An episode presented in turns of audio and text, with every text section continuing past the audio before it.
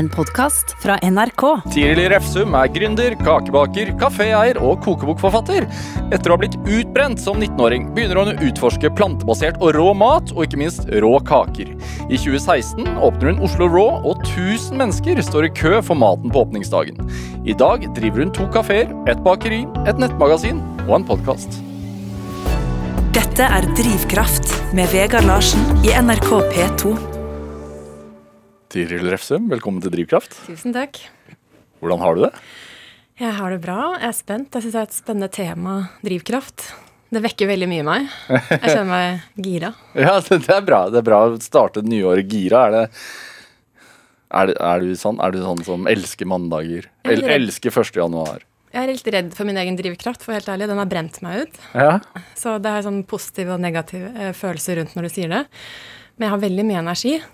Derav hva jeg har fått til. Ja. Hæ. Brent deg ut, ja. Hvordan, det, hvordan, hvordan er det sånn at drivkraften brenner deg ut? Hva, hva, handler det om? Jeg tenker at jeg kjørte på med veldig mye kraft og Ja. bremser samtidig. Ja. Masse motkrefter og drivkraft mot retning jeg ikke var ment å gå. Så jeg lyttet ikke, og jeg sjekket ikke hva som faktisk stoppet meg i å ha det bra på reisen. Reisen er jo det alt handler om. Lære å slappe av? Hvile i drivkraften sin, da. Da kan den skape energi, ikke brenne oss ut. Er det sånn, altså Du driver to bakerier eh, Nei, ett bakeri, to, to kafeer i dag, har 50 ansatte eller noe sånt? Ja. Når du har juleferie, klarer du å slappe av da? Jeg tror det er en prosess. Jeg tror det er noe jeg lærer over tid. Nå ble jeg akkurat 30. Jeg kjenner meg kanskje litt mer avslappet dette året enn i fjor. Jeg tenker sånn litt og litt, da. Ja. Må jeg forstå hvordan nervesystemet skjønner at ok, jeg kan koble av, for at jeg er alltid på. Det er lett for meg å være på, men det er litt vanskelig å skru av. Noe som sikkert alle kjenner seg litt igjen i. Så, men hva hvordan har juleferien vært, da? Jeg har jo jobbet. Da jobba jeg. Jeg har jobbet litt hele tiden. Ja. I hvert fall på, sjekke ting, liksom, tatt vare på ansatte. Og så er det masse som skjer nå. Det er mange avgjørelser å ta, restriksjoner. Man må jo liksom, Det er jo mitt ansvar. Å være på. Ja. Fikk du noe fint, da? Masse fint. Og masse omsorg. Masse varme, masse familietid. Ja. Ja. Når, folk baker jo småkaker eh, til jul. Som ofte er fullt av smør og raffinert sukker og det som verre er, si. Hva baker du? Altså, Jeg har ikke noe imot eh, noe av det du sa nå. Bare for, å bare for å bekrefte at jeg er ikke veganer. Jeg spiser kjøtt og koser meg med kjøtt i julen, jeg òg. Ja. Så vi dømmer ingen. Um, men uh, jeg får litt sånn ekstra godfølelse av å spise kaker som er laget veldig naturlig, med ingredienser som er lett for kroppen å ta opp og bryte ned, gir masse energi. Så jeg fokuserer jo gjerne på det, men jeg kan gjerne ta noen småkaker også hvis det kommer min vei. Så det er ikke Jeg er skikkelig søtmoms. ja.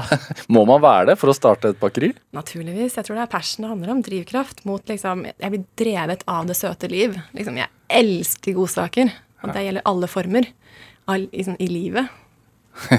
Makselivet var det en gjest som sa, som sa det mens hun var her. Eh, det, er, det er nyttårsforsettens tid. Altså jeg, tullet litt på Ekko som var før oss nå, om at eh, vi skulle snakke om eh, kanskje dietter og sånne ting.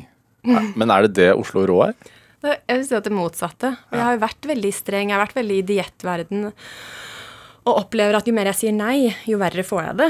Så hvordan kan man skape disse gode, søte øyeblikkene i hverdagen som sier ja da til livet? Så jeg er jo ikke for dietter i det hele tatt, for jeg vet jo hvor ille det kan være. Jeg har prøvd alt. Ja. Hva, hva, hva, så alle slags dietter? Ja, liksom raw, vegan, paleo, keto, altså anything. Jo, men dere heter jo Oslo Rå. Ja. Ja. Altså, jeg har jo vært veldig inni i det raw, men jeg opplevde ikke at det ga meg nok. Det er kaldt i Norge, jeg trenger varm mat. Ja. Og jeg er veldig glad i kjøtt. Så bare unnskyld meg, men jeg tror ikke plantebasert er det som funker for alle. Jeg tror, men jeg tror mye planter, masse farger, er veldig nyttig for kroppen. Ja, fortell, altså For de som ikke har vært uh, på en kafé hos deg. Hva er, altså det står jo eh, det står på nettsiden det er ingen raffinert sukker, det er ikke gluten, det er ikke laktose. eh, det er vegansk.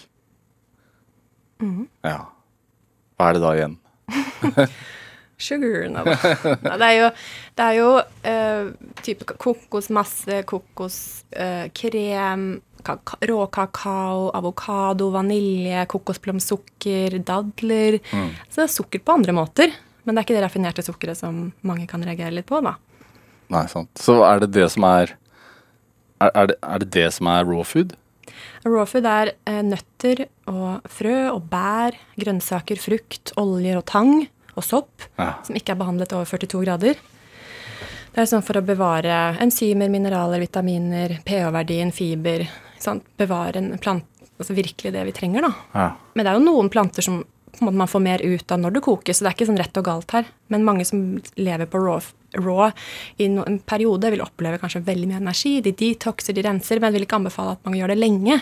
Men det kan være supernyttig i en periode. Hvor lenge kan man, skal man gjøre det? kanskje en måned er greit. å- Altså, spørs helt hva man kommer fra. Mm. Hvis man er vant med mye fiber og planter, så kan man jo gå rett inn på liksom en suppefaste, liksom. Og få en skikkelig detox. Eh, Men hvis man ikke har spist noe særlig grønnsaker og planter før, så ville jeg trapp, tatt kanskje en råkostsalat før hvert måltid over en periode, og så kanskje gått over til raw etter hvert. Er det sunnere enn annen mat? Sunt er jo veldig altså, Hva én trenger, kanskje ikke den andre trenger. Så det kan jeg ikke svare på. Men, og det forandrer jo dag, fra dag til dag. Kroppen utvikler seg. Det er perioder, det er været. Det er veldig mye som spiller inn. Man må lytte. Men sånn ernæringsmessig, da? Vet Så vi vet at grønnsaker er sunt, da.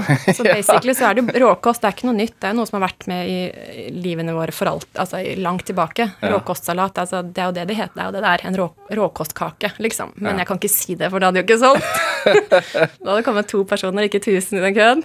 Så raw food har blitt kjempetrendy, så det har liksom kommet tilbake. Men det, samtidig så har jo kraft og margbein og alt det også kommet inn igjen. Det er jo sånn trender, da. Men ingenting er nytt. Nei. Men også er det viktig med temperatur når man, til, altså når man lager det?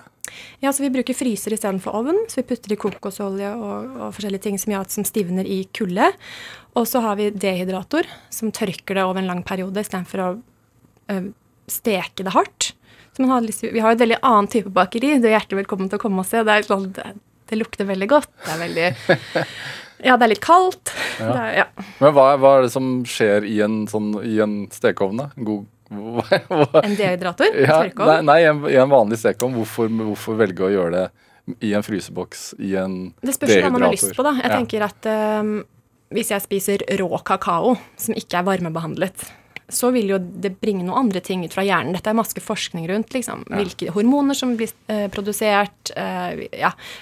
Og jeg vil jo gjerne ha den plantens medisin, da. Og rå kakao er en skikkelig kraftfull plante. Og hvis den er, er veldig varmebehandlet, så vil den ikke gi meg den effekten. Så spørs på hva resultatet jeg vil ha. Hvis jeg bare vil ha en kjempegod, bløt kladdekake rett fra ovnen, så lager jeg det, og det gir meg Da vil jeg si at det er riktig for det øyeblikket. Men hvis jeg har lyst på en raw brownie før trening som skal gi meg masse endorfiner og dopamin og serotonin og sånn, så tar jeg en raw brownie. Ja. Og som du sa da, da du lanserte dette, her, at jeg vil gjerne spise kake til frokost. Ja, ikke sant? Det er jo på en måte et bilde, da. Det å nyte de små tingene liksom, på starten, kanskje mandag morgen spesielt, at vi minner oss på at livet er jo godt. Liksom. Vi må huske de små tingene. Det er så vi har opptatt, og personlig også vært veldig opptatt av at alt skal være så stort og riktig og viktig. Men hva med sansene våre, smakene, følelsen, teksturen, hvordan føles det i munnen med kaffekoppen? Det er det som gjør oss kanskje lykkeligst, er disse øyeblikkene. Det er det som alt kommer tilbake til. Ja. Ha samvittighet nå med den følelsen å gjøre også. Jeg tror det kan hjelpe at vi får med hodet på laget. Hvis det sier sånn det er litt sunnere, så vil jo det hjelpe. Ja. Jeg håper jo at man ikke tenker i det hele tatt, men at man kan gi seg hen til sansene sine, da. Dette er Drivkraft med Vegard Larsen i NRK P2. Og I dag er gründeren eh, og eieren av Oslo Rå, Tiril Refsum, er hos meg i Drivkraft på NRK P2. Du skriver på Instagram eh, nå rett før jul, eller 22. desember, så skrev du at eh, nå er vi i en mørk tid.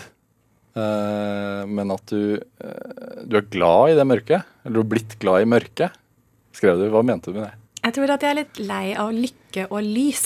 Fordi vi er obsessed med å ha det så jævlig bra hele tiden. At alt skal være så perfekt. Og det har vært mitt liv frem til jeg ble utbrent. var bare hvor Jeg må ha det bra hele tiden. Og det gjorde at jeg var i mitt dypeste mørke, egentlig. Men jeg, jeg ville ikke innse det, for jeg jaktet bare på lyset. Når var dette her? Altså Det var jo fra jeg var sånn tolv. For da, da det begynte tankekjøret opp i hodet som gjorde meg gal. Jeg hørte disse negative, den negative kvernen og presset jeg la på meg selv. Og hva, var det? Du er ikke bra nok, du må være bedre, du er ikke pen nok, du er ikke sosial nok. Altså alle de nedtrykkende tankene som styrte meg, som jeg ble obsessed med også, for jeg ville ha de bort. Var det andre som Og så kom det utenifra, og så var det andre som Nei, det var meg. presset det på Men jeg tror mange av de som var rundt meg, hadde en samme opplevelse. Jeg tror mange som sikkert lytter, også føler på at det er så mye negativitet som kommer, og det er sånn addictive å å høre på det negative istedenfor det positive. Så samfunnet rundt meg, altså alt var så fint. Jeg hadde alt. Support hjemmefra, virkelig flotte venninner, skolen er perfekt. Altså alt var så bra. Ja. Men mine indre demoner uh, lot meg ikke hvile. Nei. Du, for du er fra Oslo? Ja. Vokste opp på Adamstuen? Nei, på um, eh, Holmendammen. Ja. Mm. Eh, og hva slags område er det? Det er veldig flinke piker. Og jeg kan jo kanskje si at jeg ledet an det toget. Ikke sant? Jeg var jo klassens motor. Ok, Eh, Jeg hadde så sykt mye drivkraft. Hvordan derfor, Har du et drev meg til vanvidd. Ja, kanskje det at jeg skulle alltid være glad Ja. i forhold til det med lyset. At jeg har vært obsesst med å være happy, liksom. Mm. Og, og fordi jeg var livredd for å føle noe annet. Fordi da er jeg ikke nok. Sant? Jeg vil være glad, for da vet jeg at jeg har noe å gi. Mm. Og jeg vil være inn, liksom, alltid ha noe å gi, fordi jeg tør ikke å bare være. Fordi jeg er så redd for å ikke være nok. Jeg er ikke verdifull nok. Ingen vil elske meg om jeg hviler. For å bli sett, eller for, for, å sett, for å få oppnå noe? anerkjennelse. Ja. Sant? Alt handler om å bli sett. Dypest sett få anerkjennelse. Og der misbrukte jeg drivkraften min for å bli elsket. liksom. Ja. Og det var jo ikke, de ville jo ikke at jeg skulle gjøre alle disse tingene. De syntes jeg var bra nok. Det var Mm. jeg. Hvilke ting? Få toppkarakterer, løpe fortest, danse best. Uh, være med på Jeg studerte i Volda også før jeg ble utbrent, og da skulle jeg være med på revy. Jeg var veka, jeg skulle være med på absolutt alt de gjorde. Jeg skulle også ha timer på treningssenteret der. Og jeg, det var sånn, jeg fikk ikke puste. Og jeg gjorde dette for å Jeg løp bort fra meg. Fordi at jeg ville at Vær så snill å se meg. Jeg liker ikke meg. Liker du meg? Gi meg, give me some love. Liksom. Dette visste jeg jo ikke at jeg drev med, men jeg ser tilbake på det som et et- et terror, liksom. Hvorfor likte du ikke deg selv, da? Jeg vet ikke hvor det begynner hen, men jeg tror ikke jeg har blitt kjent med meg selv helt. Jeg tror jeg har valgt Jeg har likt Jeg tror jeg dypest sett liker den jeg er, men jeg har ikke blitt kjent med den jeg er. Men du, er, altså det, altså du har jo Du har vokst opp i et område hvor det er mye eh, altså, prestisje om å gjøre det bra generelt. Det ligger litt underliggende. Det er sånn, Alle skal bare slappe av, alle, alle er bra nok, bla, bla, bla. Men under der så ligger det et enormt press på å prestere. Sant? Og jeg lærte veldig tidlig at jo, jo mer jeg gjør, jo mer anerkjennelse får jeg. Og der mistet jeg tråden. Så at jeg bygget opp en karakter som heter Tiril er glad, og hun får til alt. Og det er den jeg ikke likte. Sant? Det var jo ikke, jeg, jeg tror jeg syns jeg er en bra person helt innerst, men jeg visste ikke hvem det var. Så jeg hadde mistet, eh, mistet tråden. Er det Du har barn selv? Mm. Og er det hvor, Var det sånn at du ble sagt til at og du er flink, eller øh, som, som man fikk næring av, eller hva var det Jeg tror jeg fikk oppmerksomhet. Jeg fikk veldig mye oppmerksomhet for alt jeg gjorde. Jeg er en, jeg er en veldig ekstrovert person. Jeg liker å entertaine, jeg liker å kommunisere. Jeg gir alt, ikke sant? Som er en naturlig del av meg. Som jeg, men jeg opplevde også at jeg skrudde på den på-knappen og, og, og lagde show, så fikk jeg enormt mye respons. Og, og jeg misforsto det litt, men jeg tok det som kjærlighet og bekreftelse på det, hvem jeg er. Istedenfor at det var kult, liksom, men folk bryr seg egentlig ikke om hva jeg shower med. Men det var det jeg plukket opp, da. Ja. Og der begynte distraksjonen, der begynte liksom avveien. ja. Og dette var jo ikke familien eller vennene, for de, syns, de var jo sånn Du må slappe av, liksom. Det her går fint. Men det hjalp ikke, fordi jeg har en enorm drivkraft. Ja. Og når jeg bestemmer meg for å få til noe, så gjør jeg det. Skikkelig. Hva var målet som ung, da? Jeg tror ikke jeg visste Jeg hadde ikke noe sånn klart mål, men innerst inne så ville jeg nok bare ha fred. Men den stemmen fikk ikke plass, for den var for lav. Den rolige, dype sjelens stemme, da. Den derre 'jeg trenger meg', liksom. Det er min, mitt mål. Få ro i hodet. Men før det, så Eller den, den sterke, negative stemmen som pusher meg så jævlig hardt, og så får til veldig mye som jeg også er takknemlig for, fordi den driver meg til høyder. Perfeksjoniststemmen, liksom? Perfeksjonisten, som er en del av meg som jeg må ta med på laget. Ja. Hun er jævlig kul òg. Hun får til masse. Men hun uten en større Si at en voksen i meg tar vare på disse karakterene som spilles ut, da. Så har ikke jeg sjans, liksom. Når merket du at det begynte å bli for mye, da? Jeg, faen, 12-13-14. Så skjønte jeg at eh, For det var veldig mange som sa til meg sånn Du trenger ikke å gjøre så mye, liksom. Og jeg ble veldig utbrent da jeg var 14, og norsklæreren min sa bare sånn hva er det du driver med? liksom? Og da hadde jeg så trøbbel med et veldig høyt spetakkel i hodet. Så jeg leste Eckhart Tolle om meditasjon. For, og Eckhart Tolle, hva er det for noe? Eckhart Tolle det er en, en av våre store liksom, lærere innen mindfulness. da, Ja. og, og han skrev om nuet. Så han skrev noen bøker om Power of Now, og da var jeg faen meg 13 år. Det sier jo litt om problemet her. liksom, da burde man jo leke, ha det gøy. ikke sant? Jeg gjorde jo aldri disse tingene. Jeg var veldig mer opptatt av å bare mm, være på arenaen, da. sant? Um, og når jeg leste liksom hvordan tankene driver oss, så ble jeg veldig urolig. Og da ble det nesten verre. Hva, hva, også, hva er teorien? Det sier jo at liksom vi har en slags eh, ego, da. Eller en, en kar karakterer som spiller seg som på en måte er laget, som kanskje ikke er vårt dypere jeg, som styrer oss. Og hvis ikke vi er bevisst på hvordan det styrer oss, så blir vi ikke kjent med den som kanskje egentlig er her for å leve et godt liv, da. For den er jo negativt orientert. Altså, den er, det er som at hjernen vår vil tenke negativt. Kanskje det er biologi, at vi er alltid på vakt for farer. Altså, det er ikke noe galt med det, men hvis vi ikke er bevisst på det, så tror jeg man kan havne der hvor jeg havnet. Og hvor var det, da? I det mørket som vi snakket om. Ja. Og det er jo der rikdommen kommer. Og nå ser jeg at liksom, mørket er egentlig ikke negativt. Det er jo dybden i meg, liksom, som gir meg røtter og, og rikdom. Den virkelige stabiliteten som jeg har lengtet etter hele livet. Men det tar tid. Og da jobber jeg med motkreftene, liksom. Hva er det, hva er det som, jeg, som ikke funker? Hva, hvor er konflikter? Ja. På samme måte som jeg jobber i selskapet mitt. Ja, fordi du sa før vi gikk på, på lufta her, så sa du drivkraft er veldig, synes jeg er veldig interessant å snakke om, men motkraft er like interessant, sa du. Hvis ikke jeg hadde tatt tak i motkreftene i livet mitt, så hadde jeg ikke kommet i kontakt med en ekte sunn drivkraft. Sant? Nei. For jeg kjørte på med masse motkraft og motstand uten at jeg engang visste det. Hva er det for noe, tenker du? Motkrefter, f.eks. en ukultur, da. Si at det skjer noe i selskapet eller livet mitt som, er, som ikke fungerer. En konflikt som ikke blir snakket om, men det bare ligger der og durer. Og man kjører på i full guffe, men egentlig så tar den konflikten veldig mye energi. Og da hjelper det ikke mye man kjører på hvis ikke man rydder opp. sant? Så egentlig de siste to-tre årene i Oslo Raw så har jeg bare ryddet opp i motkreftene, og så ser jeg at en naturlig drivkraft kommer til. Jeg tror at lyset er der hele tiden, men noen ganger så må man faktisk gå inn i mørket og se på hva funker ikke. Og da kommer lyset til. Jeg husker min første terapeut da jeg var 18. sa sånn, du, du, skrur, du går ikke inn i et rom eh, og tar ut mørket. Du må skru på lyset. Men man må gå inn i disse mørke rommene i selskapet eller i livet eller i relasjoner og skru på lyset. Og så vil man få tilgang til en helt annen energi og kraft. da. Men sånn som nå når det er januar og eh, desember har vært dyr for mange, og man starter kanskje året med liksom allerede litt sånn slunkende lommebok, er det en slags motkraft? Altså kan det være en sånn Motkrefter kan komme på så mange måter, men det å jobbe med de, si at man tar vare på de, da, møter de, istedenfor å løpe vekk fra frykter, da. Ja. Eller si at man har et problem økonom økonomisk, eller noe. At man faktisk går inn og sier hei, jeg skal ta tak i det her. Jeg skal ikke løpe videre fra det. Eller trening, eller mat. Hvordan saboterer man for seg selv? Det må man se på. Ja. Men du ja, har jo vært åpen om dette her. Altså, du ble jo utbrent som 19-åring. Ja. Hva- Hvordan, hvordan, føler, altså, hvordan kjenner man at man blir utbrent? Kommer det brått, eller er det gradvis? Jeg tror alle som hører har så mange historier er det som det fins lyttere, liksom. Eller Hvordan merket du det? For meg var det veldig brått, for jeg, det var som at jeg kjørte på og kjørte på og kjørte på fortere og fortere og fortere utover den høsten jeg var i Volda. Og, jo, og jeg Studerte skjønte at journalistikk? Ja, og jo mer jeg gjorde, det var som at jeg skjønte at nå er det nær på å knekke, nå er jeg nær på å knekke. Ja. Men det var vondt å engang tenke og føle at jeg var nær på å knekke, så jeg la på enda en aktivitet, og enda en, for det var så brutalt å sitte stille.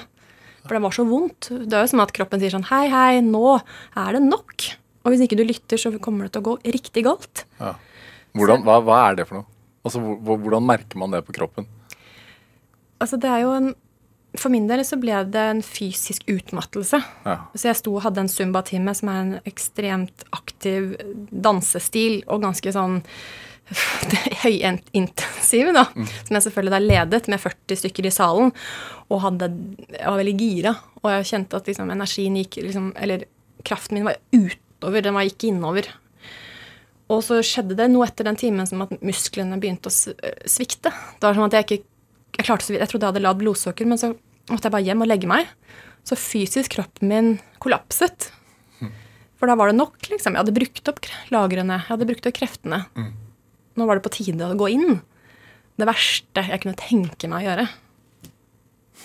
Å legge deg ned, ja. Mm, å sitte stille Ja. og føle. Fordi det er jo 10-15 år med opphop Altså med, ti, øh, glemte følelser. Sinne, glede, ekte følelser. Som jeg ikke hadde engang sluppet til. ja. Det var som et femårig maraton, liksom. Ja. Ja. Hæ. Hvor lenge var du sjuk, da?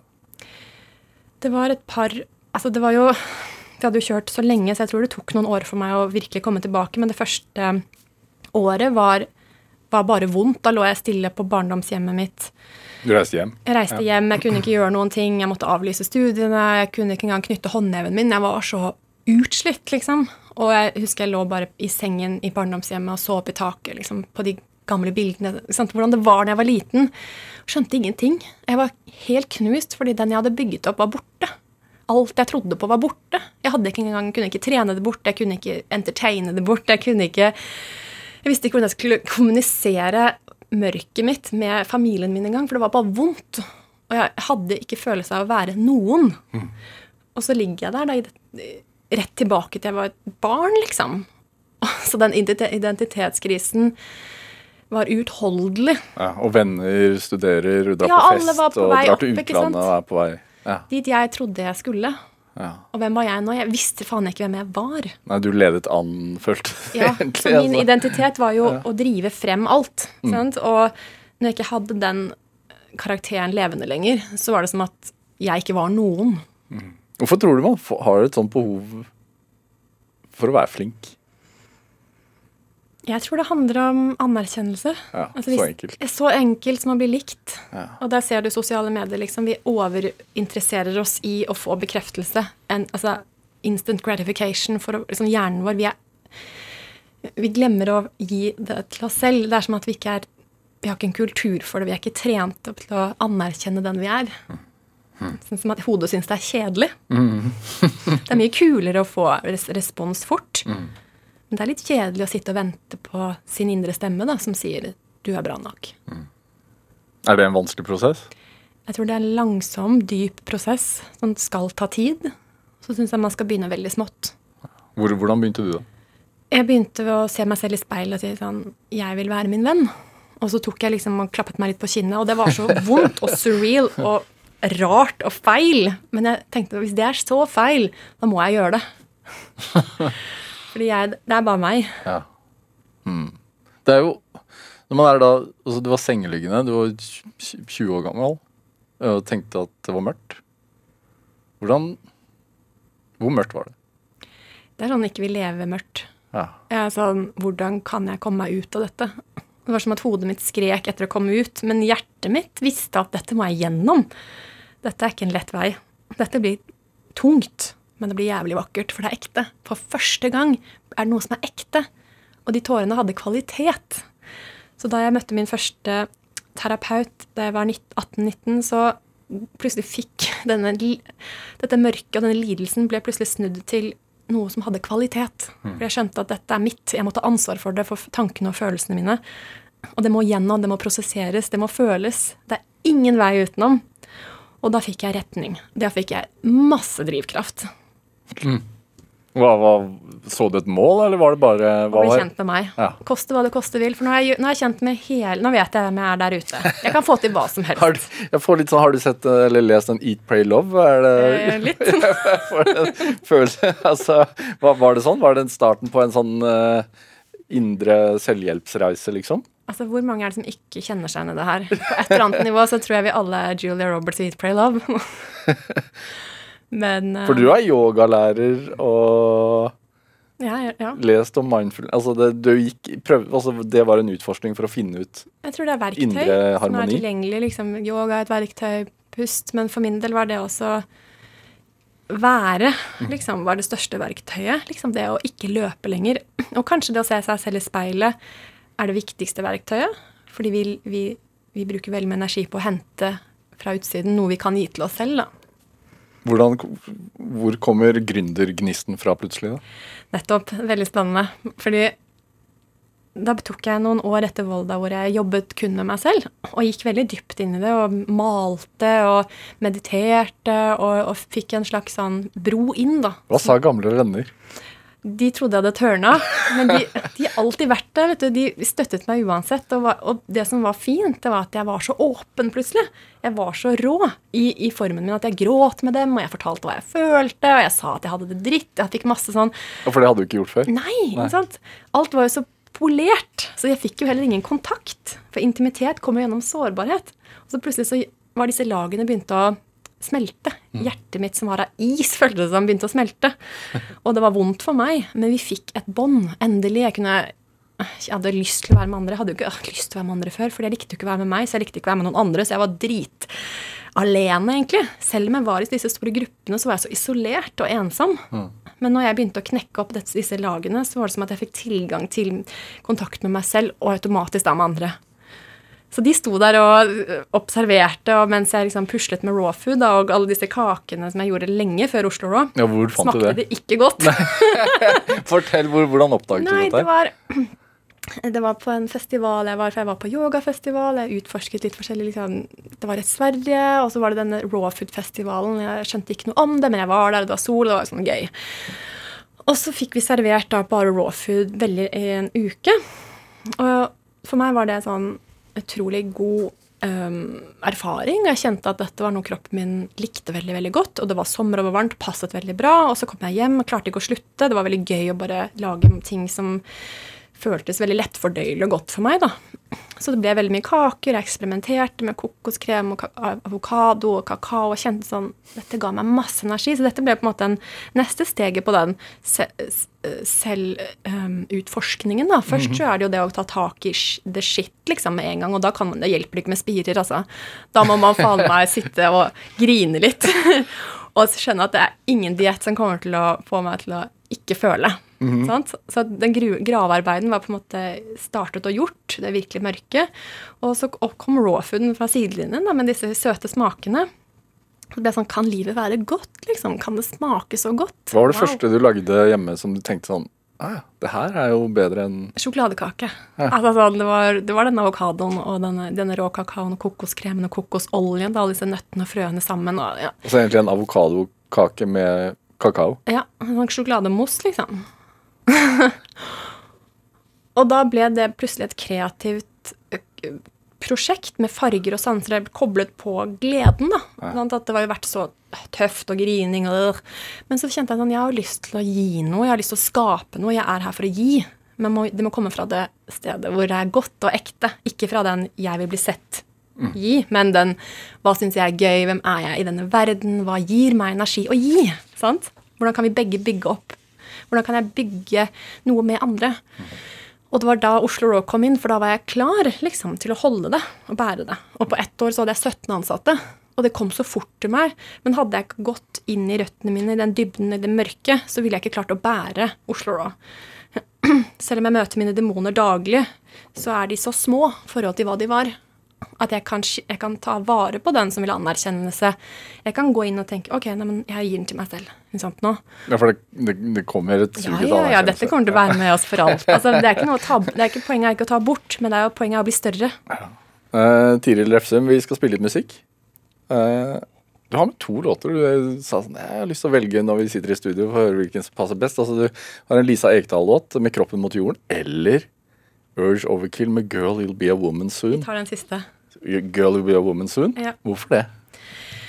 Fordi da jeg gikk det liksom fra å være akkurat det vi snakker om nå, er jo fra å være jente som ikke tar ansvar, som, som um, ikke har kanskje de røttene, til å bli en kvinne som er en veldig sårbar og sterk prosess som vi alle kvinner må kanskje på et eller annet tidspunkt gå inn i. Mm. Mm, og det er å begynne å ta ansvar for følelsene og tankene sine. Uh, og bli kjent med kroppen vår. sant? Og utvikle oss, da, som er en rik prosess. Men det er sårbart, og det er sterkt, og det innebærer mye følelser.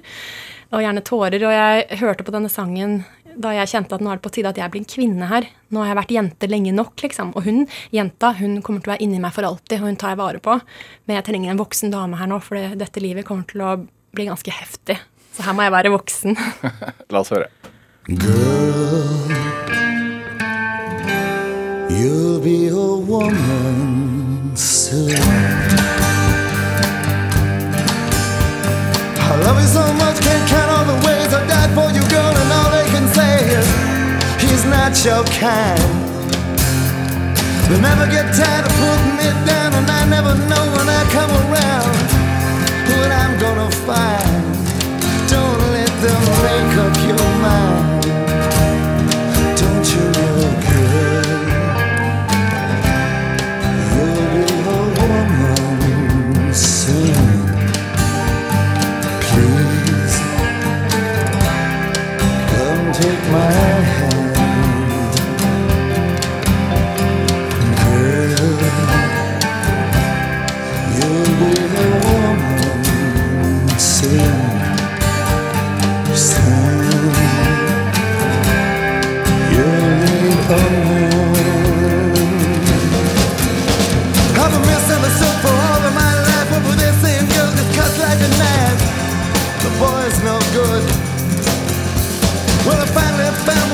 and poor, but bacon and tantalum for sure. Surely it would. Baby, how done I?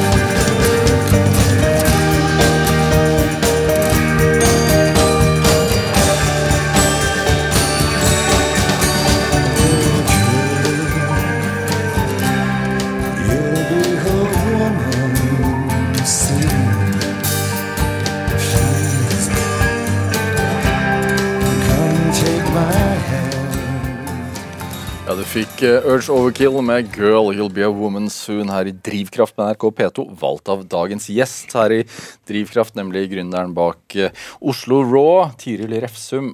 Altså, hvorfor tror du at Eller er det sånn at man tviholder lengre på det å ikke bli voksen? Hva, hva I dag? tror du? Jeg tror det. Jeg tror også det. Ja, Hvorfor det, tror du? Det er deilig å være ansvarsløs. Jeg tror det er det handler om ansvar. Um, åh, det er et veldig, veldig godt og stort spørsmål. Jeg tror vi alle har egne svar på det. For det, noe, det, har, det, er, det har ikke noe med alder å gjøre. Nei, det er alltid et spørsmål Jeg tror en evig reise, det er å vokse opp. Det er ikke ferdig. Pluss når man er død, så er man ferdig, liksom. Men jeg tror det er frem til da. Så har man muligheten til å vokse, bli større, ta mer ansvar. Sånne Når følte du deg voksen først? Det går jo litt sånn opp og ned gjennom dagen, da. Men når jeg liker meg selv skikkelig godt, og rommer hele meg, tar vare på meg, og finner løsninger gjennom å Det er voksen som å drive sin egen bedrift, da. Absolutt, men det Ja. er mange ikke-voksne som driver egen bedrifter òg. Jeg tror alle har disse ulike sidene som kjemper litt hele tiden. Men når jeg kjenner meg trygg i meg selv, sterk, tydelig, uttrykker den jeg er, og eh, kjenner at hjertet er åpent, så kjenner jeg meg temmelig voksen, altså. Hmm. Den der reisen din fra å være uh, sykemeldt eller uh, utbrent til å utforske deg selv, finne deg selv, og til å da begynne med raw food og, og, og ba, begynte å bake på eget kjøkken. Hvordan, men det er jo én ting. Hvordan blir det til en bedrift? Jo, nå skal du høre her. altså det, det må sies at jeg, jeg har jo ingen utdanning innen økonomi, lederskap, gründerskap. Ingenting. Er, ble du ferdigutdanna journalist? Nei, nei, jeg var der et halvt år jeg, før det knakk. Det, det var det jeg hadde. Da lærte jeg ikke mye om eh, å bygge egen bedrift, men jeg lærte om kommunikasjon. Og det er kanskje det viktigste. Hvordan kommuniserer vi? Men jeg tror at drivkraften var kommet fra et så sunt sted inni meg at jeg lærte veldig mye veldig fort. Og jeg tror man får sjansen når man er klar. Og folk følger deg når du er klar. Sant? Jeg kan ikke bare si 'jeg vil være en leder'. Leder er noe du må gjøre deg verdig til hele tiden. Og på en eller annen måte så var noe i meg klart for å være en leder. Og jeg måtte kaste meg rundt og gjøre jævlig mye feil. Mm. Hva var det, da? Som å ehm, Vi hadde jo ikke noe budsjett, vi hadde ikke noe businessplan, vi hadde ikke noe meny. Vi hadde, vi hadde egentlig veldig lite på plass, bortsett fra masser av energi og gøy og glede og drivkraft. Det Men- hadde vi mye av. Men du merka også at det var altså, Du må ha skjønt at det var et marked for dette her? Ja, men det, det skapte seg når vi begynte. Vi hadde, jeg hadde ikke noe plan på forhånd. Jeg visste ikke egentlig, Det var et eksperiment. Raw food i Oslo, Adamstuen, ingenting hang helt på grep. Og ingen forsto, for dette har jo ikke skjedd før. Så dette var et eksperiment. Vi tråkket opp alt selv og gjorde masse feil. Så jeg, visste, jeg så ikke på meg selv som gründer eller leder. eller noen ting. Jeg tenkte bare dette er jævlig gøy, dette føles riktig, let's go. Hva er det første salget? da? Det må ha vært en sånn freakshake. Vi hadde et sånt eh, event også hvor det var med smoothie med popkorn på, alt mulig rart. Altså, vi solgte så mye rart. Vi hadde det veldig gøy. Vi hadde ikke noen oppskrifter. Vi bare eksperimenterte. Jeg tror det er veldig fint i starten av en bedrift også, at man slår seg løs og ikke sier så mye nei, men at man sier veldig mye ja. Du syklet rundt? Jeg hadde en sykkel, en sånn eh, stor, fin sykkel som hadde kaker i, som jeg syklet rundt. Det var før jeg åpnet kafeen, og så solgte jeg kaker til rundt om i byen. Ja. Er det? det hvor fordi du, altså Jeg sa jo innledningsvis her til den timen her at du, da du åpna kafeen på Adamstuen, så sto det 1000 mennesker i kø på åpningsdagen. Cirka. Noe sånt. Ja, det Jeg var, jeg har sett bilde. Vanvittig lang kø. ja. Eh, det å bygge en sånn hype, for å kalle det det, hvordan gjør man det? det er nesten litt vanskelig å forklare. Det er, ehm, det er ikke noe oppskrift på det her. Men jeg tror det må komme fra et eh, Det må være mange elementer som matcher. Jeg hadde masser av drivkraft. Jeg hadde konseptet. Kundene var klare. Det var så mange ting som på det øyeblikket var så riktig match. For folk har prøvd å starte raw Food Café i Oslo i flere år før. Altså, det hadde skjedd før. Ja, det har skjedd før. Ja. Men jeg tror det var noe med timingen på alt. eh, Og timingen for meg.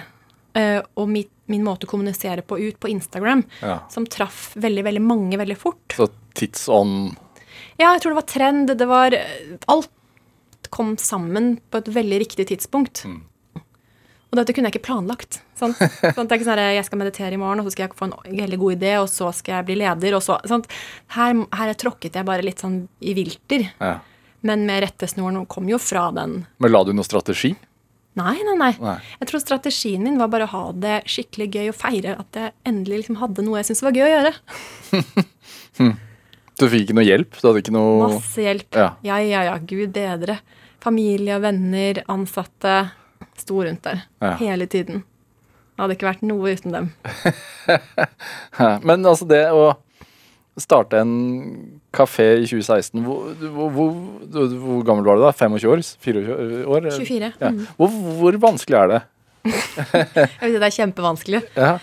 Mm, kjenner man ikke sine indre demoner, så har man ikke sjans. Nei. For det er så tøft. Hvordan fant du lokalet? Hva var viktig? ja, jeg lurer. Det er mange som tenker sånn Jeg vil gjerne starte en kafé. Jeg har alltid drømt om det. Ja. Det må jo komme fra et sted som faktisk er litt sånn ekte, da. For jeg tror ikke man klarer å bære det langsiktig. For dette kafé, ja, gøy, men skjønner man hvor mye det innebærer, og hvor utholden man må være, og hvor mye motstand man får? Det er mest hardt arbeid. Ja. Sant? Er man klar for det? Eller vil man brenne opp? Hva består motstanden i ofte? Nå svarte jeg ikke på lokalgreiene, men Nei, jeg, jeg går på Finn nå. um, hva motstanden var? Ja. Um, I form av Nei, du sa at det var, du, du må liksom Du vet ikke på forhånd hvor mye motstand det er å starte, Nei. og man vil Altså den, Hvis man har ryddet opp i indre motkrefter, da, si at man begynner å like seg selv, for det første. Man begynner å heie på seg selv, man får anerkjennelse, så får man en sånn enorm drive til å skape.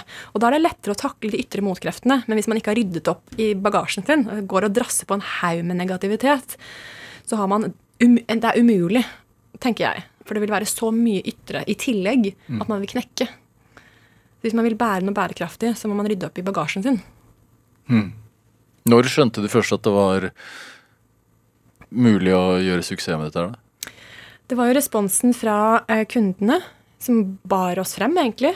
Fordi de ville gjerne ha, og jeg ville gi. Og da ble det sånn. Er det sånn at folk blir overrasket over hvor syndig det smaker? Jeg pleier ikke å si sånn 'dette er sunt'. Jeg pleier bare å si sånn 'her har du en digg brownie, prøv', liksom. ja. Um, ja, mange ble veldig overrasket over at raw food, som er liksom råkost og plantebasert, kunne liksom føles så godt. Så vi fikk jo veldig mange kunder som egentlig ikke var opptatt av plantebasert i det hele tatt. Og som jeg har sagt før, er, jeg, er ikke plant, jeg, er ikke, jeg er ikke veganer, så det handler ikke om veganisme. Det handler om å gi kroppen noe skikkelig digg, som er uh, gøy å lage, miljøvennlig, um, næringsrikt og smaker dritgodt. Mm. Hvor flink var du til å lage mat? Ikke så veldig flink. Nei, jeg var ikke det, altså. veldig glad i å spise, veldig glad i søtsaker. Men det var når jeg kom i kontakt med plantene, så var det også noe med naturen og kobling til det grønne, liksom. Som er veldig viktig for kroppen, tror jeg. Det med jord, planter, vekster, spirer. Det er en- en del av healingen, vil jeg si, er å koble seg på naturen igjen. Noen får det i form av å gå en skitur, noen får det gjennom å lage mat, eller være i hagen og jobbe med jord. Um, så for meg var det også en, en kobling til liksom det rå, da. Hvor mange timer har du stått på kjøkkenet? Det er uendelig. Jeg sto noen ganger liksom 15-20 timer i strekk, liksom. Og bare pumpet ut kaker. Det var jo så store bestillinger. Vi visste jo ikke hva jeg, I. Det var null logistikk, ikke sant. Vi sto der vi var seks-syv damer rundt et lite bord, i arbeidsbord inne på Adamstuen, og vi bakte faen meg hundrevis av kaker, liksom. Det er umul en umulighet. Men snakk om drive, liksom. Og det var det kundene opplevde. var det der, Hva er det de driver med? Det her, de skjønte ikke, og vi skjønte ikke helt hva vi gjorde. Så det var en fantastisk tid. Og så var det veldig mye å rydde opp i etterkant. Ja. Sånn eh, Å gå fra å ikke ha noen plan og til at det er en hobbyting. altså Brått så er det 50 ansatte, det er to kafeer og uh, et bakeri. Uh, hvordan klarer man å altså Er lidenskapen her ennå? Nå har den blitt liksom en Den utvikler seg hele tiden. Nå har den blitt Det går jo fra å være um, jeg vil gjøre noe gøy, til hva kan jeg gi, til hvordan kan jeg bygge opp andre. Sant? Nå er det jo ikke lenger, handler det ikke om kaken for meg. Nå handler det om, nå handler det om de ansatte. Eh, hvordan har de det? Hvordan kan jeg lede de best mulig? Nå handler det om kundene òg. Hvordan kan vi gi mer til fler? Så jeg syns det er mye mer spennende enn Altså, kake spiser jeg gjerne hele tiden og hver dag, liksom. Men jeg har utviklet de, og de lever. Men jeg som leder er mer spennende akkurat nå. Sant? Og jeg har fått denne muligheten. Jeg skal faen meg ta den og gjøre den så godt jeg kan. Eh, jobbe beinhardt med å se mine skygger og demoner hele tiden for å kunne lede best mulig. Og jeg gjør fortsatt masse feil. Men det handler om tillit, åpenhet og kommunikasjon. Sant? Og, og det er verdien i Oslo Raw. Og hvis jeg kan bygge det for de ansatte og teamet, så snakker, da er det suksess. Men hva, hvordan er det for deg personlig å gå fra å stå bak disken og bake kakene til å også være leder for en rekke ansatte, da? Som jo, da må du jo altså, Dere har akkurat lagt ned en filial. Hvordan er det? Det er veldig tøft. Og det er det jeg mener med at det vil Spesielt i disse tider. Det er så mye motkrefter på så mange måter. Pandemi, tenker du? Ja, det. Det er man må være resilient, er et godt ord. Motstandsdyktig, liksom. At man takler motstanden på en så smart måte som mulig. Mm. Det er min hovedlekse nå. Sånn, hvordan surfer jeg på det her? Ikke gå under. For det gjør veldig mange. Og det flinkhets... Hjelper ikke å være Idealet. flink. Nei, ikke sant? Det hjelper ikke lenger, fordi nå må det være så mye kvalitet, og det må være så dypt. Det går langt forbi å være flink. Det handler om å gjøre noe godt for andre. Mm. Og seg selv. Det er en drivkraft i deg selv, at, at Jeg andre tror har det det går på det dypere verdiene i sant, menneskets natur, er liksom det å være god for andre, skape noe for andre. Jeg Mm. tror det, det er neste nivå, da. Først er det liksom meg, hva kan jeg gjøre, hvordan kan jeg bli sett mest mulig? Men så skjønner man at ah, det var ikke så spennende, det ga meg ikke så mye. Uh, hvem er jeg for andre og meg selv, sånn dypere sett? Hva får man igjen for det selv? da? Mening, fellesskap, kjærlighet, community. Dette er Drivkraft med Vegard Larsen i NRK P2. Og i dag er gründeren av Oslo Raw, Tiril Refsum, her hos meg i Drivkraft på NRK P2. Dette her med Altså, du, du, du snakker hele tiden, eller ofte, om indre og en slags sånn spiritualitet. Sant? Kan du kalle det Ja, jeg vet ikke helt hva det er, jeg. Men det er jo Men tenker du altså, Ser du på deg selv som liksom, at du har fått en spirituell oppvåkning? Altså her tenker du at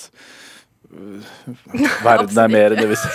Nei. altså, nei, Nei, nei, det opplever jeg ikke. Jeg, jeg opplever at jeg kommer i kontakt med meg selv. ja. eh, veldig jordnært. Og jo dypere jeg går, jo større blir jeg. Det handler ikke om å gå opp til stjernene, det handler om å finne røttene sine. Uh, ta vare på familie, gå, gå liksom Kjenne sånn Hvem er jeg egentlig? Liksom. Og det er ikke en fancy spirituell reise. Men hva, er, hva betyr det egentlig å stille seg det spørsmålet? Altså, Hvordan finner man den Hvordan finner man svaret? Jeg tenker Først må man ville.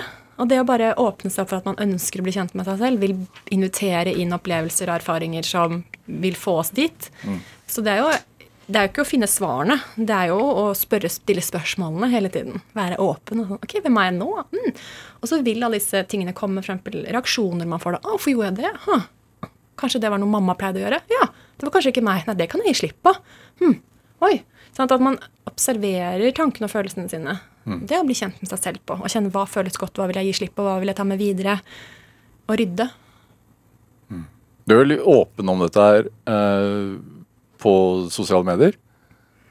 Litt, i det fall. Ja, men du er jo det. ja, kanskje det. Hvorfor er det, er det og- Du er en moderne bedriftseier, og jeg føler at de som startet bedrifter i gamle dager, holdt jeg på å si, de var ikke så åpne om seg selv og sine egne demoner og hva, hva, Tror du det er, er sunt og bidrar til også mer, bedre butikk? Så lenge det er ekte. Ja. så lenge ikke det brukes for å bli brukt på den måten, men at det kommer naturlig. For det er, det er ikke riktig for alle å snakke om sine demoner på altså, det, er ikke, det er ikke for alle. Man kan være veldig åpen og ha møtt alle demonene sine uten å snakke om det. Men det vil merkes uansett. Den dybden man, man blir, vil få en kjempeeffekt om man snakker om det eller ikke. Så det spiller ingen rolle. Men for min del så er- jeg tror det var også en grunn til at jeg dro til Volda, var for jeg syntes det var spennende historier og fortellinger og, og kommunikasjon. Det å dele. Jeg tror det er en del av meg. Og det er jeg her for å gjøre. Og hvis ikke jeg gjør det, så Det er noe som Jeg mister noe. Um, så jeg tar ansvar for det, og så gjør jeg det. Og det viser seg å inspirere. Noen, i hvert fall. Og det er verdt det. Hvordan er det for deg å stå bak kassa på kafeen Jeg din? elsker det. Ja. Altså, det er kjempegøy. Jeg begynner Jeg har gjort det en del i det siste halvåret, så jeg har gjort det litt mer. Bare for å kjenne etter hvordan, liksom, hvordan er det egentlig på gulvet nå. Hvorfor er det viktig? For vi er jo sammen om det. Det er ikke noe Ja, jeg er sjefen, men jeg er ingen uten dem. De er alt. Mm. Og øh, jeg skal vite hvordan de har det. Og hvis jeg skal hjelpe dem, så må jeg mm, komme meg helt ned. Ingen oppgave er for liten. Men dette handler om menneskene som er på gulvet, og hvordan de møter kundene. Og det er essensen i bedriften. Å dele og gi. Og da må jeg gi og kjenne de, bli kjent med de. Hvem er de som, som står her? Du har fått sånn mentorhjelp på veien. Jeg har fått uh, priceless hjelp. Ja. Uh, både fra vil jeg si, mammaen og pappaen min fra jeg var liten. Og så har jeg alltid skjønt verdien av å få hjelp. Det er ikke alltid jeg har klart å be om det. Men det har vært veldig lett å få hjelp fra mamma og pappa på mange måter, for de har alltid vært der og støttet meg utrolig mye. Hva er det de har drevet med? Eh, litt forskjellige ting. Mamma var lærer, og nå jobber hun som akupunktør, så hun gir meg både samtaler og nåler. Eh, noe som hjelper masse på alle måter.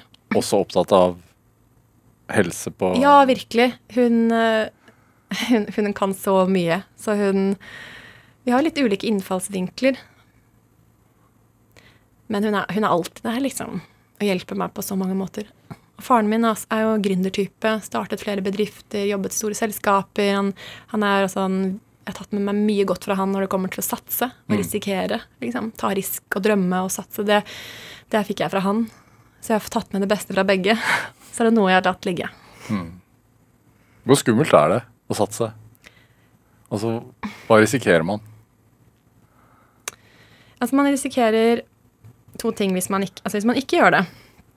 Så risikerer man å, å, å gå inn i en depresjon, man kan risikere å, å ikke bli lykkelig. Man kan risikere å ikke bli kjent med seg selv. Som jeg syns er en mye høyere risk. sant? Spørs på hva slags verdier man har i livet. Men dette er meg. Sant? Og, og, og starte Oslo Raw var Jeg kunne miste Jeg hadde mistet alt, da. Så jeg var ikke så redd. Jeg hadde kommet så langt ned på bunnen at jeg hadde ikke så mye å miste igjen. Så jeg sa ja, ja, få prøve, da. Kunne vært noe annet? Ja, Ja. kunne vært noe annet. Men jeg tror det handler om, om team for, meg, for min del, og å bygge noe godt for meg selv og andre. Om det kunne vært noe annet, ja, det tror jeg. Ja. Nå ble det mat. Det er veldig, veldig godt. Så det er litt sånn tilfeldig at det ble, ble mat? Jeg tror ingenting egentlig er tilfeldig, men det var så mye med disse kakene sånn estetisk, smak, sanser, helse, velvære, kult, trend. Det var så mye med det som funket. Ja. Så, og det er ikke tilfeldig. Sant? Det Og så handler det om feire. Feire de små tingene. Altså de ble bare, det ble bare sånn symbolsk for meg å drive med kaker. Spiser vi for lite kaker, mener du? Ja, selvfølgelig mener du det.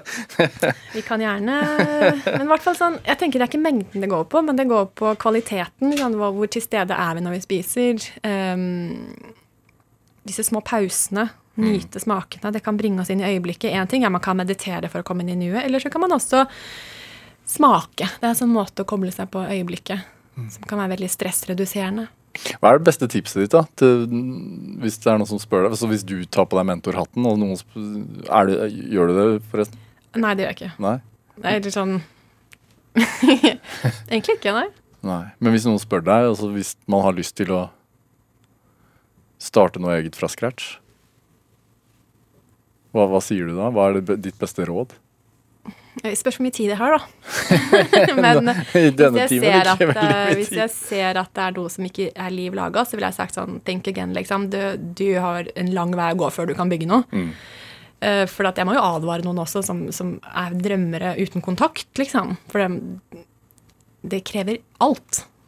Sant? Å bygge opp noe selv. Og det er veldig alvorlig. Mm. Og du får alt igjen. Sant? Men man må være laget for det. Det er, det er ikke alle som skal gjøre det. Så man må forstå at alt er mulig, ja, men hva vil du virkelig? Hvis ikke du kjenner deg selv, så har du ikke sjans. Så jeg ser an situasjonen litt. Hva er det, hvordan ser du fremtiden for deg da, og, og firmaet? Altså er det, Blir det dette her, eller det så siden, du sier at man, siden du sier at man stadig er i liksom, utvikling som menneske Ja, jeg tror at eh, vi har snudd opp ned på veldig mye de siste to årene. Så jeg vet ikke hvordan det her kommer til å utvikle seg, men det ser ut som at det blir et tøft år igjen. eh, Som jeg forbereder meg på. Så vi har masse nye samarbeidspartnere. Vi har endret masse på strukturen i selskapet. Gjort en haug med opprydninger som vil gjøre at vi kan takle det. Så vi fortsetter. Og jeg ser etter hvert så vil det bli lettere. Og jeg tror ikke plantebasert er noe som er på en måte en flopp. Jeg tror det er noe vi trenger i hverdagen parallelt med kjøtt og alt det. Men det handler om kvalitet, det handler om nytelse. Jeg tror det er det folk trenger langsiktig. hva, hva er det som driver deg nå? Altså, det er menneskene. Ja. Det er det. Det er det å se at andre utvikler seg, og at vi vokser sammen mot Vi driver i samme retning. Samarbeidspartnere, kunder, ansatte, familie. At man er på en vei som er god. Jeg tror fellesskap er den viktigste nøkkelen. For det er det som gjør oss fornøyde, tror jeg. Den følelsen av at man er i kontakt med andre og gjør noe godt for dem.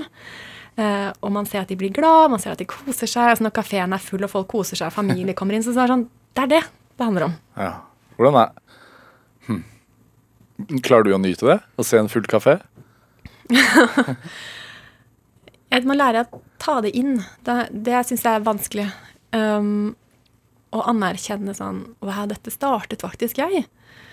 Ja, jeg har fått masse hjelp som jeg ikke ville klart meg uten, men anerkjenne at jeg begynte dette, og det gjør at så mange Det er så store ringvirkninger. Og det skulle jeg nok ønske at jeg tok inn helt inn, for det, men det er en veldig stor følelse. Som jeg, og da går det på selvverdi. Sånn, er jeg verdt å føle noe så godt, liksom? Så jeg tar inn litt og litt, men jeg tror det er en reise også. Det å ta imot øh, og skjønne at OK, det er bra nok, liksom. Mm. Hvorfor er det så vanskelig? Ikke tro du er noe. Det er en sånn stemme jeg har. Ikke, du må jobbe litt hardere for å hvile. Ah, det er den derre pusheren, liksom, som er egentlig jævlig bra, for den får meg frem. Men det er så trist hvis jeg ikke tar med hjertet på veien, som kjenner sånn ah, Jeg er fornøyd, liksom. Men bare det å vite om disse sidene i seg selv er kanskje mye av jobben gjort. Hæ. Hva, hva er det man må gjøre da? Sånn som du sa det, se deg selv i speil og hva var det- du sa? Jeg er min Ja, egen sånn, jeg, jeg er vennen min, liksom. Ja. Here, liksom. Jeg er, eh, jeg er her for deg. Mhm. Istedenfor å tenke at å, jeg skulle ønske at noen kunne ta på meg eller holde meg. Hvordan kan jeg holde meg, da? Kanskje vi skal begynne med der. Altså, mm. Refsum, tusen takk for at du kom til Drivkraft, Takk for at jeg fikk være her. og godt nyttår. Godt nyttår. Hør flere samtaler i Drivkraft på nrk.no og i appen NRK Radio. Send oss gjerne ris og ros og tips til mennesker som du mener har drivkraft. Send den e-posten til drivkraft.krøllalfa.nrk.no. Vi hører veldig gjerne fra deg. Produsent i dag var Heidi Andersen. Hun er ny her, så velkommen til Drivkraft, Heidi. Eh, Guro Aasholm bidro med research. Du har hørt en podkast fra NRK. Hør flere podkaster og din NRK-kanal i appen NRK Radio.